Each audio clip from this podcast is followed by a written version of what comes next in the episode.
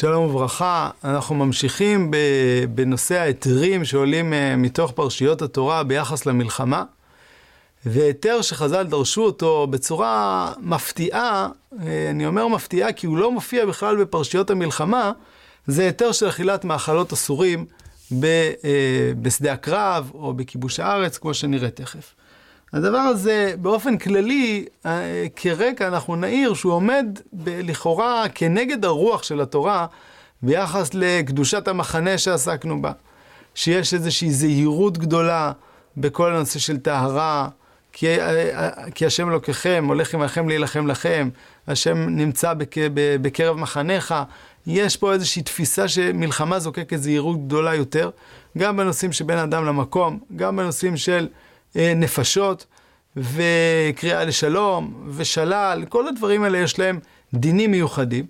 ופה פתאום אנחנו רואים שתי פרשיות, אחת לעסוק בהן עכשיו, היתר מאכלות אסורים, והשנייה אשת יפת תואר, שבהם דווקא התורה מרחיבה את גבול ההיתר על חשבון האיסור הרגיל מעבר למה שבן אדם בדרך כלל מותר לו, ולכן הדבר הזה באמת אה, אומר דרשני. ההיתר מופיע, נדרש מפרשייה בדברים, שעניינה הוא השפע שהקדוש ברוך הוא, אה, אה, אה, שהעמים משאירים לנו כשהקדוש ברוך הוא מעניק לנו את הארץ. ונאמר כך בדברים, והוויה כי הביאך השם אלוקיך אל הארץ אשר נשבע לאבותיך, לאברהם, יצחק וליעקב, לתת לך ערים גדולות וטובות אשר לא בנית, ובתים מלאים כל טוב אשר לא מילאת, ובורות חצובים אשר לא חצבת, כרמים וזיתים אשר לא נתת, ואכלת ושבעת. ארבעה דברים שמשאירים לנו, שבעצם לא עמלנו עליהם, והקדוש ברוך הוא אה, אה, אומר שהדבר הזה הוא לנו. אה, לאכול ולסבוע, ועם זה מגיעה האזהרה, הישמר לך ותשכח את השם אלוקיך, את, אשר, את השם אשר הוציאך מארץ מצרים בית עבדים. זאת אומרת, דווקא ירושת השפע הזה עלולה לגרום לשכחת השם. על גבי הפרשייה הזאת, דנו חז"ל בהיתר יוצא דופן של אכילת מאכלות אסורים. הרקע מופיע בגמרא בחולין י"ז, שם רבי ירמיה דן בשאלה האם בשר נחירה שהכניסו ישראל לארץ, הותר להם, כי בהתחלה הותר להם בשר נחירה, מי שנכנסו לארץ נאסר להם בשר נחירה, אם הבאתי אותו קפוא, או לא יודע, מומלח, מהמדבר לארץ, האם מותר לי לאכול אותו או לא? ואז הגמרא שואלת אימת, אילמה בשבע שכבשו, השתא דבר טמא ישתר אלוהו, דכתיב בתים מלאים כל טוב. הגמרא מבינה מהפסוק שהותר לנו לאכול בתים מלאים כל טוב. מה זה בתים מלאים כל טוב? זה האוכל של העמים הנכבשים, שכולל בתוכו גם מאכלים שהם אסורים. אז בוודאי שבשר נחירה, הגמרא אומרת, אם קוטלי דחזירא הותר, בשר נחירה בוודאי. לפי הגרסה הזאת, הקושייה היא שלאחר מכן. זאת אומרת, אחרי שכבר אה, יש פה בשר שהחזיק מעמד לאורך כל תקופת הכיבוש. והיא בהתאמה, לעולם בשבע שכבשו. כי ישתרלו שלל גויים, דידו לא ישתרל. האם ההיתר של הבשר של אה, אה, מאכלות אסורים מותר, אולי הוא הותר רק אה, מממונם של אותם גויים שכבשנו, ולא ממה שהבאנו איתנו מהמדבר, והגמרא נשארת בזה בתיקו. יש פה הבדל גדול בין הלשונות. לפי הלשון הראשונה, ההבנה של רב היא שהכל הותר. ברגע שהגעת לארץ, הותר כל מאכל בשעת המלחמה, בשעת הכיבוש, הותר כל מאכל באשר הוא. לפי הגרסה השנייה, לא הותר לישראל אלא בשר של הגויים עצמם. בהגה הישיבתית היינו מחלקים את זה בין החפצה לבין הגברא. ההיתר של של רב הוא סבור שההיתר הוא בגברא. בן אדם שנלחם בזמן המלחמה, מותר לו לאכול גם מה שהוא הביא מן המדבר וגם מה שהוא מצא בבתים. יש מי שסובר שההיתר הוא בחפצה לפי הלשנה השנייה. זאת אומרת, בשר גויים מותר ולא הותר לי כל בשר באשר הוא. מה ההיגיון של ההיתר הזה? הוא תלוי כנראה בשתי הלשונות האלה, וכנראה שהוא עומד במחלוקת בין הרמב"ם לרמב"ן. הרמב"ם סבור שההיתר הזה הוא היתר שנועד לגברא, שנלחם. הוא כותב כך: חלוצי צבא כשייכנסו בגבול גויים ויכבשו מהם וישבו מהם, וישבו מהם, מותר להם לאכול נבלות וטרפות, בשר חזה וכיוצא בזה, אם יראה ולא מצא מה יאכל, אלא מאכלות אלו אסורים. וכן שותה יי נסך. אומר הרמב"ם, ההיתר הוא בעצם לא קשור לכיבוש הארץ דווקא, כי הוא אומר, חלוצי צבא כשייכנסו בגבול גויים, זה הלכה של הלכה קבועה, לא הלכה היסטורית. ודבר שני, מותר לאכול הכל, גם יהיה נסך. ודבר שלישי, יש בו איזשהו תנאי, אם ירעב ולא ימצא מה יאכל. כל אלה מתכנסים לאיזושהי תפיסה מאוד פשוטה, שהרמב"ם לכאורה מתיר את האכילת מאכלות אסורים, זה במצב, במצב של מלחמה, במצב שאין לו מה לאכול, ואז לא משנה מה הוא יאכל, הכל יהיה מותר.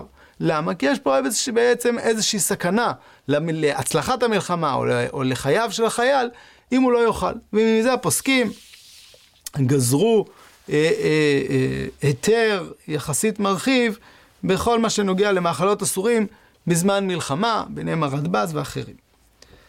הרמב"ן חולק על הרמב"ם, והוא סבור שההיתר מבוסס רק על כיבוש הארץ בלבד. והוא חולק על הרמב"ם שאומר, אין זה נכון שלא בשביל פיקוח נפש או רעבון התיר להם שלל אויביהם, אלא יש פה היתר מיוחד והותרו להם כל האיסורים בזמן הכיבוש זולתי איסור עבודה זרה, והיה זה ההיתר עד שאכלו שלל אויביהם, ויש אומרים בשבע שכבשו, שכבשו וכולי. אומר הרמב"ן, הוא חולק על הרמב"ם בכמה נקודות. קודם כל, ההיתר הוא מוגבל רק לתקופת שנות הכיבוש, או אפילו לזמן המלחמה עצמה, בשנות כיבוש הארץ. הדבר השני, ההיתר לא מתייחס רק ללוחמים, הוא מתייחס לכל ישראל. זו תקופה שבה מותר לאכול כל טוב. זה לא משנה אם זה אה, בתים מלאים כל טוב, בורות חצובים, כרמים וזיתים. דבר אחד לא נזכר בפסוקים, ועליו גם הרבן חולק על הרמב"ם, וזה יהי נסך. יהי נסך לא הותר. כי הוא קשור, כי זה אה, סותר את אה, איסור אה, עבודה זרה. אנחנו הרי יודעים שאנחנו צריכים להשמיד את העבודה הזרה של, של, של שבעת העמים, בוודאי לא ליהנות מהמאכלים של עבודה זרה. אם כן, יש כאן מחלוקת עקרונית. לפי הרמב"ן, ההיתר הוא היתר בחפצה, שקשור לשנות הכיבוש. כל מה שנכבש, כל שלל הכיבוש, הותר ואפילו הוא מצווה, מצוות עשה לאכול מהדבר הזה. הרמב"ן מודה את זה כמצווה חיובית. והרמב"ם סבור שהדבר הזה הוא היתר בגברא, בגברא הנלחם. היתרון שיש בפירוש של הרמב"ן, שהמקור לדין, הוא לא מופיע בדיני מלחמה. הוא מופיע באמת ביחס לכיבוש הארץ. הקדוש ברוך הוא משאיר לנו שפע, ומהשפע הזה הוא מצפה, הוא מצווה שאנחנו נאכל. הקושי לכאורה הוא, הוא, הוא השאלה מה הטעם. מה הטעם לצוות עלינו לאכול גם ממאכלות אסורים? ואם יש לי מאכלות מותרים, לא פחות טובים, יש לי מצווה חיובית דווקא לאכול מן האיסור. הרב סמט העלה אפשרות להסביר את הרמב"ן, והוא אמר שעצם ההבחנה בין יי נסך לבין שאר המאכלים האסורים, כמו חזיר ודברים כאלה, מאכלות אסורים, מבליט את איסור עבודה זרה שמהם ישראל צריכים לפרוש בכניסתם לארץ. אבל הרמב"ן עצמו לא נחית לברר מה, מה טעמו. הטעם של הרמב"ם, כמו שהרמב"ן הבין אותו, הוא לכאורה מובן מאליו, הנושא של פיקוח נפש. אבל כמו שגם ראינו בנושא של עד ריטה, אפילו בשבת, כשה, כשהדבר הוא כל כך מובן, הוא הופך להיות מיותר. אם ההיתר של הלוחמים לאכול הוא בשביל למנוע פיקוח נפש, למה צריך היתר לזה? יש לי כבר היתר מיוחד לפיקוח נפש, היתר כללי. למה צריך היתר מיוחד שקשור לדיני המלחמה? והרמב"ן גם לא הזכיר את ההיתר הזה בין ארבעת הדברים שהותרו במלחמה, שהותרו במחנה. אז זה נכון שחלק מהפוסקים, ביניהם הנציב בעמק דבר, הכפתור בפרח, סברו שיש פה, כמו שדיברנו בנושא של לחימה בשבת, מעין הרחבה של מצוות פיקוח נפש, שלא צריך רק להסתפק במינימום הנדרש, מתוך הבנה שבסוף הדבר הזה עלול לפגוע בחייל, עלול לפגוע ב- בלחימה, בסוף להביא לידי פיקוח נפש רחב יותר.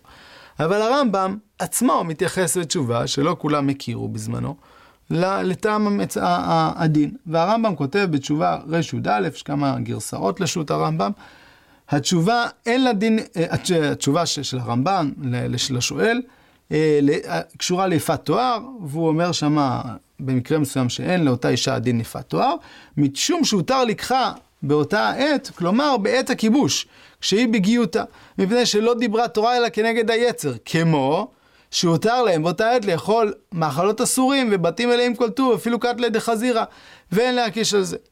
אומר הרמב"ם, אתה חושב, הרמב"ן, שהטעם שלי הוא מדין פיקוח נפש, הרמב"ם עצמו סבור שההיתר הוא משום יצר הרע. ואומנם יש מי שכתבו מן האחרונים, אה, ראיתי את זה אצל הרב ראם, הרב אה, קמינצקי, אה, שלא דיברה התורה אלא נגד יצר הרע, במובן הזה שחייל יהיה לו קשה להילחם אם יאסרו עליו את, ה, את אכילת החזיר, והדבר הזה יסיח את דעתו מן הלחימה.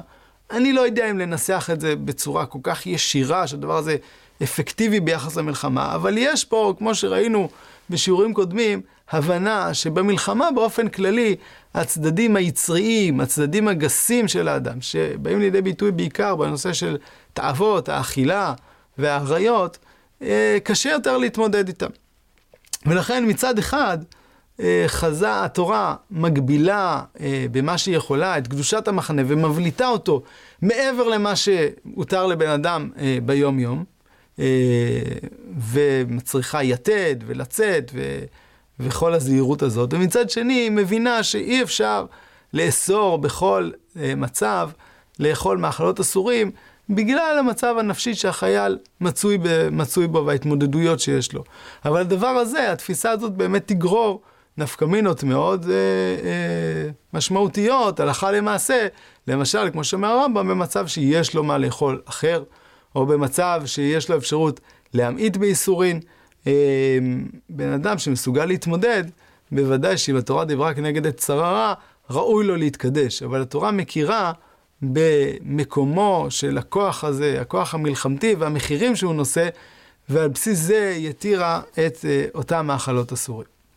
כל טוב ובשורות טובות.